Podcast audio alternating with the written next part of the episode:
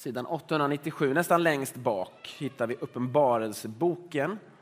En bok med mycket starka bilder och symboler. Och denna söndags läsning kommer från kapitel 20 och vers 11 fram till 21, 21 5. Och jag såg en stor vit tron och honom som sitter på den. Och jorden och himlen flydde inför honom och det fanns inte längre någon plats för dem. Och jag såg de döda, höga och låga, stå inför tronen och böckerna öppnades. Och ännu en bok öppnades, Livets bok. Och de döda dömdes efter vad som stod i böckerna, efter sina gärningar. Och havet gav tillbaka de döda som var i det, och döden och dödsriket gav tillbaka de döda som var i dem. Och var och en dömdes efter sina gärningar. Och döden och dödsriket kastades i den brinnande sjön. Detta är den andra döden, den brinnande sjön. Och var och en som inte fanns uppskriven i Livets bok kastades i den brinnande sjön. Och jag såg en ny himmel och en ny jord. För den första himlen och den första jorden var borta och havet fanns inte mer. Och jag såg den heliga staden, det nya Jerusalem, komma ner ur himlen från Gud. Redo som en brud som är smyckad för sin man. Och från tronen hörde jag en stark röst som sa Se, Guds tält står bland människorna och han ska bo ibland dem och de ska vara hans folk. Och Gud själv ska vara hos dem och han ska torka alla tårar från deras ögon. Döden ska inte finnas mer och ingen sorg och ingen klagan och ingen smärta ska finnas mer. Till det som en gång var är borta. Och han som satt på tronen sa, se, jag gör allting nytt. Och han sa, skriv, ty dessa ord är trovärdiga och sanna. Gud, vi ber att du ska tala till oss nu att du ska låta oss höra ord som kan leda oss vidare och närmare dig. Amen.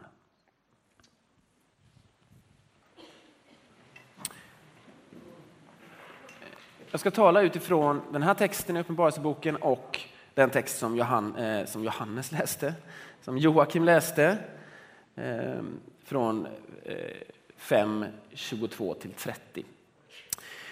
Och ehm, man kan väl säga att, att den story som vi får här, den kan jag tänka mig att det finns någon som har hört förut. så att säga. Om vi börjar bakifrån så slutar hela världshistorien med att Gud bor bland människorna och han gör det liksom helt och hållet.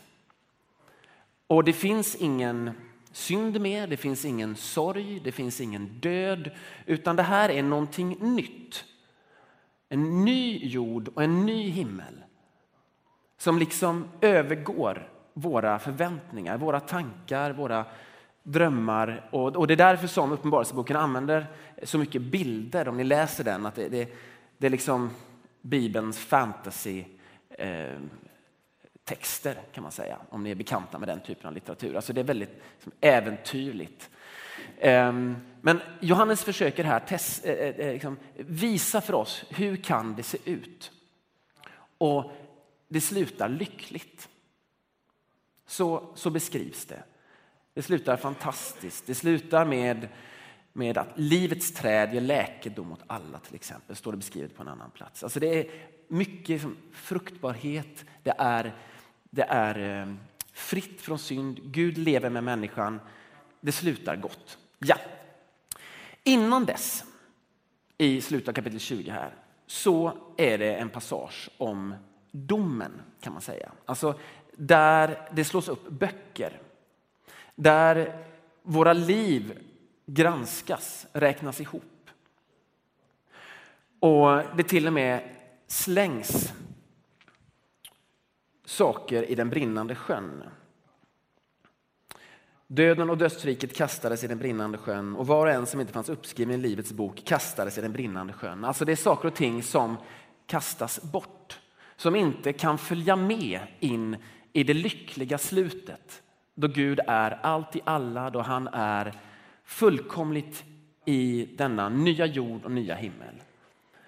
Och innan dess så kommer den här lite skrämmande beskrivningen av domen, tronen, att det liksom räknas ihop. Och om man, om man ser på hur det ser ut i världen idag, om man, är, om man lever i denna värld och så tänker man på beskrivningen av hur det ska sluta. Alltså fullständigt bra, gott, saligt, där Gud är allt i alla. Då inser man någonstans att någonstans på vägen så måste saker och ting tas bort, sorteras. Och det är därför den här passagen finns där. Alltså det verkar som att Gud måste på något sätt stämma av innan detta kan födas på nytt in i en ny jord och en ny himmel. Och jag kan tycka att det är inte helt orimligt att tänka sig det. Alltså, om man nu ser det som händer i världen, man ser förtryck, man ser lidande och nöd, man ser ondska kanske. Att det måste på något sätt försvinna. Och då kan man tycka att det är skrämmande. Jag är helt med på det. Jag tycker också det skrämmande. Men man kan också tänka sig att det skulle vara skrämmande om det inte fanns någon sådan typ av avstämning innan slutet. Alltså om det var så att det vi gjorde inte räknades.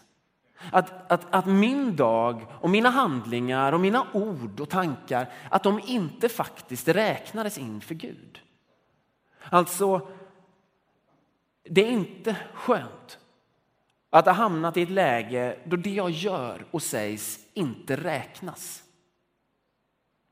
Dessvärre så behandlar vi varandra så ibland. Alltså att vi inte räknar med varandra.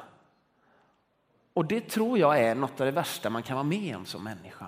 Att ens ord och handlingar inte räknas. Hellre då att någon tar illa upp och reagerar. Men det där när det bara är likgiltighet, tystnad, att, man, att det passerar förbi.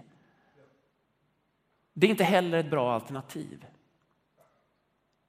Och för den som lever i förtryck och orättvisa, då är detta inte en skrämmande bild, utan då är detta en befriande bild. Alltså att de som har gjort orätt ska straffas för det. Att det ska ställas till rätta. Att det sker en avstämning. Att det inte får fortgå. Så för för, för de människorna, eller när man är i de faserna av livet där man upplever det, så kan detta vara en befrielse. Ja. Och sen så har vi Jesus som Joakim läste om. Vad spelar Jesus för roll i detta? Jo, han säger att den som tror på mig, den som hör mina ord och tror på Fadern den som tror på mig ska övergå från döden till livet. Det är som att den här situationen som är precis innan slutet, den har flyttat fram till Jesus. Jesus tar hand om det här och nu. Samtidigt är Jesus själva slutet, det lyckliga slutet, den förnyade himlen och jorden Jesus är detta också. Jesus är och återspeglar Gud när han går omkring i Galileen och Judeen och Jerusalem. Så. Eh, när han helar människor, när han eh, driver ut demoner, när han upprättar människor, när han sätter sig ner för att äta med dem som ingen annan vill ta i med tång och vara med. Då visar han hur det kommer att vara. När han går in rätt in i döden. När han plågas, torteras och fortfarande inte förbannar dem som gör detta mot honom. Då visar han hur Guds kärlek ser ut i denna världen. Som ser ut som den gör. Han visar liksom hur Gud ser ut. Han ger en försmak av himlen. Och det gör han framför allt när han dör och uppstår. Där får vi liksom en försmak på hur den nya jorden och nya himlen ska se ut. I Jesus så är Gud sammanfattad. Så är slutet, liksom, det finns här hos oss. Vi ser hur bra det ska bli. Vi ser hur oändlig Guds kärlek är. Och när han då beskriver det som att han kommer med någon slags dom, alltså den som tror på mig ska uppstå till livet och den som inte tror på mig ska uppstå till domen. Då betyder det helt enkelt att vill du vara med om en förnyad himmel och jord, om du vill vara med Gud, var då det. Men vill du inte det, nej men då behöver du inte det. Vi ställs inför ett val. Vi ställs inför ett val när vi möter Jesus. Och jag ska säga helt kort bara om detta val. Därför detta val och även den brinnande sjön, den väcker väldigt mycket rädsla. Det handlar om himmel och helvete. Och där finns det olika synsätt på det. Det finns olika sätt att tolka texterna och framförallt finns det olika texter i Bibeln som beskriver det här på olika sätt. Ibland beskrivs det som att Gud blir allt i alla, alla får vara med, alla är med. Och så beskrivs det helvete, det beskrivs plågor.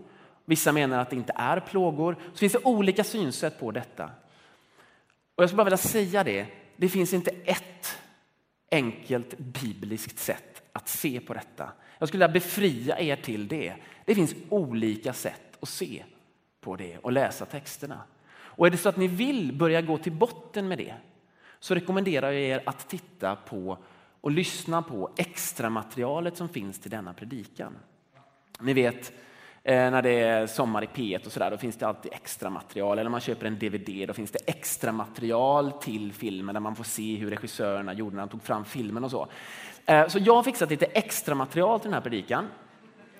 Eh, och det är inte mitt, eh, det har inte gjort det själv, utan det har vår tidigare föreståndare, eh, pastor Lennart Törn. Han höll ett, en föreläsning i våras om slutstationen, vart är vi på väg? Och det finns på mp3-fil. Gå in på gudstjänster där det står vilka gudstjänster det är. kan ni ladda ner den. Och han går igenom hur kan man se på detta. Och där säger han också någonting mycket intressant. Han säger att det är intressant att se att när Jesus talar om himmel och helvete, när han talar om helvetet, ja då gör han faktiskt det i stort sett undantagslöst till sina lärjungar. Och så någon gång är det också till fariseerna, alltså de skriftlärda judarna, hängivna judar. Alltså det är inte så att Jesus var någon helvetes predikant som skrämde människor till himlen med, med helvetet.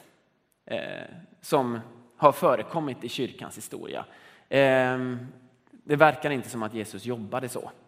Eh, det tycker jag också kan vara skönt att höra. Att, säga. att eh, om man ser på Jesus så så verkar det inte så. Men när väl detta är sagt, för att, för att liksom, eh, ta bort lite av den här liksom, krampen som kan bli. Hur är det med, med, med, med helvetet och himlen och, och, och sådär. Va? Eh, det som verkar vara helt genomgående, det är att människan har en möjlighet, ett val. Våra handlingar, våra ord, våra val de betyder någonting. Det tycker jag man ska ta till sig denna söndag utifrån dessa texter. Och jag tycker att det är bra. Det ger människan en värdighet. Det jag gör av mitt liv, det betyder någonting. Och det skapar en rättmätig respekt inför våra liv och det ger en värdighet. Och jag tycker det är gott att Gud har gett oss den möjligheten, även om det också kan vara skrämmande ibland, att ha fått ett sådant ansvar över sitt liv. Att göra val och så. Ja. Det här är storyn i korthet i texterna. Eh, ni känner igen det ungefär. Hoppas att det inte har avvikit för mycket mot det som ni har hört förut. Utifrån den här berättelsen, den här bilden av verkligheten så vill jag idag ställa tre frågor. Den ena frågan är riktad till dig som inte har sagt ja till Jesus. Den andra frågan gäller du som gjort det men inte lever det. Det kan låta hårt, men jag syftar egentligen på någonting som inte är så hårt utan syftar lite grann på det som Joakim talade om förra söndagen. Alltså att man kan ha inställningen att jag har sagt ja till Jesus, jag vill leva detta livet och så liksom blir det liksom inte av. Man, man tar inte tid för bön, man prioriterar inte detta utan det blir någonting som ligger och skvalpar i bakhuvudet. Man kanske går till kyrkan lite grann men det, ja, man kommer inte riktigt till skott. Och så du som letar, eller du som har, oj nu, nu har det blivit fel där, men du som har valt detta. Du som lever i detta ska det stå, du som lever i detta men inte upplever frid. Och man kanske lägga, kanske kan lägga till fröjd. Du som inte upplever frid och fröjd trots att du lever i detta. De, de, de frågorna som riktas, som jag vill ställa idag och som jag tror, som jag i min förberedelse liksom hör Gud säga, det är i alla fall alltså min upplevelse av det, det är varför?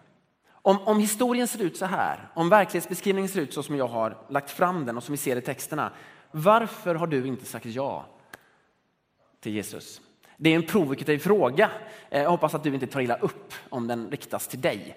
Eh, men det är domsöndagen och då ska det vara lite sådär, lite extra edge på det. Eh, och sen gäller det då du som har gjort eh, valet att leva men inte lever det. Och det är också lite hårt, det får du bedöma själv om du känner igen dig i detta eller inte. Eh, men då är frågan varför inte? Och, och, det gick Joakim igenom lite grann förra söndagen. Det handlar om att man inte faktiskt prioriterar det. Man, andra saker får komma före och sådär. Och sen har vi den här situationen att man kan ha valt detta, man kan leva i det och ändå känner man en, en missnöjdhet och en frustration. Därför att Ska det vara så här? Det är liksom inte så som man hade tänkt. Svaret på samtliga dessa frågor skulle jag vilja föreslå då. Det här är en hypotes. Ni får testa detta. Ni får återkoppla till mig. Men jag skulle vilja föreslå att ett svar på samtliga frågor har att göra med kärlekens dom. Alltså den som vi ser i Uppenbarelsebokens 20 kapitel, den som vi ser i Jesus. Alltså att den fullständiga kärleken, när den fullständiga kärleken kommer så, så sker det någon slags dom. Så blir det något slags val. Så ställs man inför någonting som är helt gott. Och då blir saker och ting uppenbara i mig som inte är helt goda, som inte är fullständig kärlek och med kärlekens dom så finns det både rädsla och smärta hos mig och kanske hos dig. Låt mig upprepa detta. Kärlekens dom. Hur kan kärleken döma? Vi tänker oss ofta att nej, men kärleken dömer inte utan kärleken bara bekräftar. Det finns en sån föreställning att, att kärleken liksom bara smeker medhårs så här. Men det är klart, den fullständiga kärleken, den kan ju inte i längden acceptera det som inte är kärlek. Det kommer ju att förgås.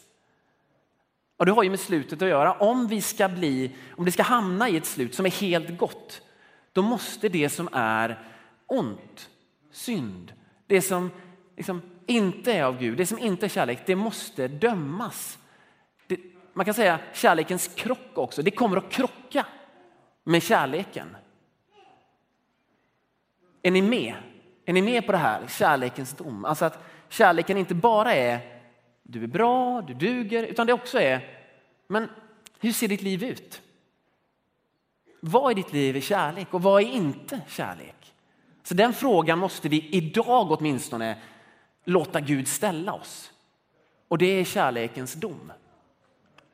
Och mitt förslag det är att en anledning till att du kanske inte har sagt ja till Gud, det är att du intuitivt känner av att om du gör det, då ställs du inför den absoluta kärleken, den absoluta godheten och du känner av att det inte bara blir nice.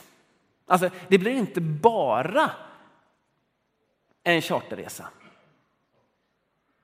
Om man nu tar en charterresa, att det är någonting som bara är medårs, det är bara en bekräftelse. Nej, men att, att, läggas, att öppna sitt liv inför Gud, det är ju att utsätta sig för något som är helt rent, helt heligt. Fullständig kärlek. Och på samma sätt, det är inte säkert att det är lathet som gör att du inte ber. Eller att du tar tid för Gud. Det kan vara att du instinktivt känner av att kära någon, om jag sätter av den här tiden, då kommer jag att möta Gud som är fullständig kärlek och då kommer han att lysa igenom mig och då kommer jag bli synlig med allt det som jag vet instinktivt inte är kärlek. För det är klart att det finns ju hos de flesta av oss. Typ. Och, och på samma sätt är det så att du lever med Gud, du tar tid för Gud och så upplever du smärta. Eller kanske till och med ångest eller en massa saker som du hade tänkt att men det här hör inte hit. Kan det också ha med kärlekens dom att göra? På något sätt. Och då tänker jag så här, om kärleken är på väg in i världen via Jesus, via den heliga ande och börjar bosätta sig i dig och börjar föra dig till himlen. Du är på den vägen, du kommer att hamna där. Jag menar, då kommer du ju också att gå igenom någon slags rening och du kommer också att suga till dig det som är på något sätt ont. Låter det konstigt? Jag tänker så här, att Jesus var helt igenom god, helt igenom kärleksfull. Och vad händer honom? Han blir korsfäst. Alltså det är som att den absoluta godheten, när den möter denna världen, då är det inte bara nice. Då är det inte bara charter, utan då är det allvar. Alltså då är det smärta inblandat. Och det kanske är en del. Om du känner det, kan det vara så att Gud verkar genom dig och älskar denna världen så mycket att du faktiskt känner av denna världens smärta? Kan Gud använda oss på det sättet? Ja, han säger att vi ska bli lika Jesus. Och det var ju det som hände Jesus. Men vi kanske inte vill bli lika Jesus på just det sättet. Det vill vi ju inte. Men, men kanske är det det som kan hända. Att det inte bara är liksom frid och fröjd utan att det också finns det. Om det är så att du inte säger ja till Gud för att du är rädd om det är så att du inte sätter av tid med Gud för att du är rädd. Om det är så att du upplever smärta och lidande fastän du lever med Gud. Ja, då ska jag säga att då känner du någonting som är korrekt i någon mening. Alltså jag menar inte att du ska vara rädd för Gud, men jag menar att om det är så att det handlar om en helig, helt fullständigt kärleksfull Gud ja, då är det inte en helt orimlig reaktion att känna sig lite rädd. Eller hur? Jag skulle säga tvärtom. Kanske är det så att vi har tappat lite för mycket, några av oss i alla fall, en respekt inför Guds absoluta helighet. Alltså om han är fullständigt kärleksfull, då är det ju lurigt om vi hela tiden förhåller oss till honom som att han är vår buddy. Och eh, sådär va? Ja, men det här är den som har skapat världen. Det är den som har frälst oss från all synd och som ska föra oss till den nya jorden och den nya himlen som kommer med det. Då är det inte konstigt om man har åtminstone respekt. Så jag tycker att vi ska lyssna efter den rädslan, om det är så att den finns där och inte förneka den i någon slags på något sätt from förträngning av det som vi inte tycker passar. Nej, men den rädslan den säger oss någonting om Gud och den säger oss någonting om oss själva. Sen ska vi inte stanna där, utan vi ska ta det ett steg till. Alltså vad är det jag är rädd för? Jag är rädd för den absoluta kärleken för Gud själv. För att stå ansikte mot ansikte mot den som känner mig helt och hållet, som vet allting om mitt liv. Men om det är så att det är det jag är rädd för, då finns det egentligen ingenting att vara rädd för. Därför han är ju också fullständig kärlek.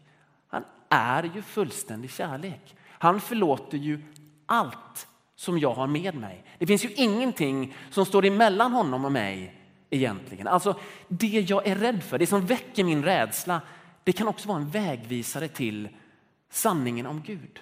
Jag är rädd för honom därför han är fullständig kärlek och jag är inte fullständig kärlek. Men just därför så kan jag frimodigt träda fram inför honom och kanske känna en smärta och veta att det är okej. Okay. Därför jag är fullständigt älskad. Kan man tänka så? Det är ett förslag. Och så har jag sedan, den här, sedan jag började jobba med den här predikan så har en text funnits med av Ylva Eggehorn. Och den går så här. Stå stilla i smärtan. Rotad i det som är ljus i dig. Låt svärdet gå genom dig. Kanske är det inte ett svärd. Kanske är det en stämgaffel. Du blir en ton. Du blir den musik du alltid har längtat efter att få höra. Du visste inte att du var en sång. Tänk om det är så att vi blir rädda för Gud. För att vi är rädda för att bli stämda av honom som i en domstol, anklagare. Men det som ska hända det är att vi kommer att bli stämda av honom, att vi kommer att bli stämda av honom men snarare som en ton som liksom börjar ljuda av hans musik. Av himlens musik. Och det är det vi är rädda för. Vi är rädda för att liksom hamna i hans våld om man säger så. Alltså hamna hos den som stämmer oss. Jag känner så ibland. Och jag känner så när jag har gått in och öppnat mig. När jag har släppt taget och sagt Gud, jag vill ju att du ska vara min Gud. Jag vill ju bli din ton. Jag vill ju bli en sång till din ära. När jag släpper taget om mitt liv på det sättet då får jag också vara med, i alla fall ibland, om att faktiskt märka att jag var en sång. Som liksom påbörjar himlen här och nu. Men så vet man ju också att när det ska stämmas i gitarren så kan det knirka lite grann. Va? Speciellt om strängen har legat till sig lite för mycket Alltså, det går inte utan smärta att bli så genomfrälst. Att bli lik Jesus, att börja närma sig himlen, det går inte utan smärta. För de flesta av oss. Men ibland undrar jag om vi har glömt bort det. Vi och vi. Vi är så olika här inne. Men att det liksom det hör en smärta till det kristna livet. För många av oss.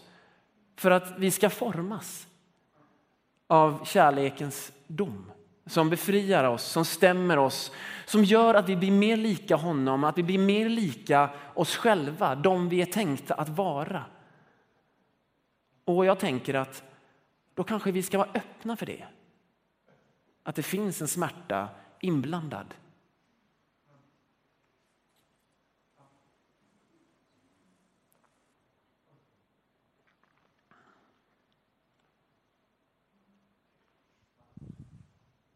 Gud, jag vill be en stor bön till dig just nu. Jag vill be att jag ska bli mer lik dig. Att vi här inne ska få bli mer lika dig. Att vi ska få vara en sån ton. Att vi ska få bli en sång som du sjunger. En sång som liksom påbörjar himlen här och nu. Och jag ber att jag ska ta emot den stämningen av dig. Och inte vara rädd. För det finns egentligen ingen orsak till rädsla, för du är fullständig kärlek. Och du älskar mig och du älskar oss alla här inne, no matter what. Låt oss öppna oss för den kärleken, för din kärlek. Vi ber i Jesu namn. Amen.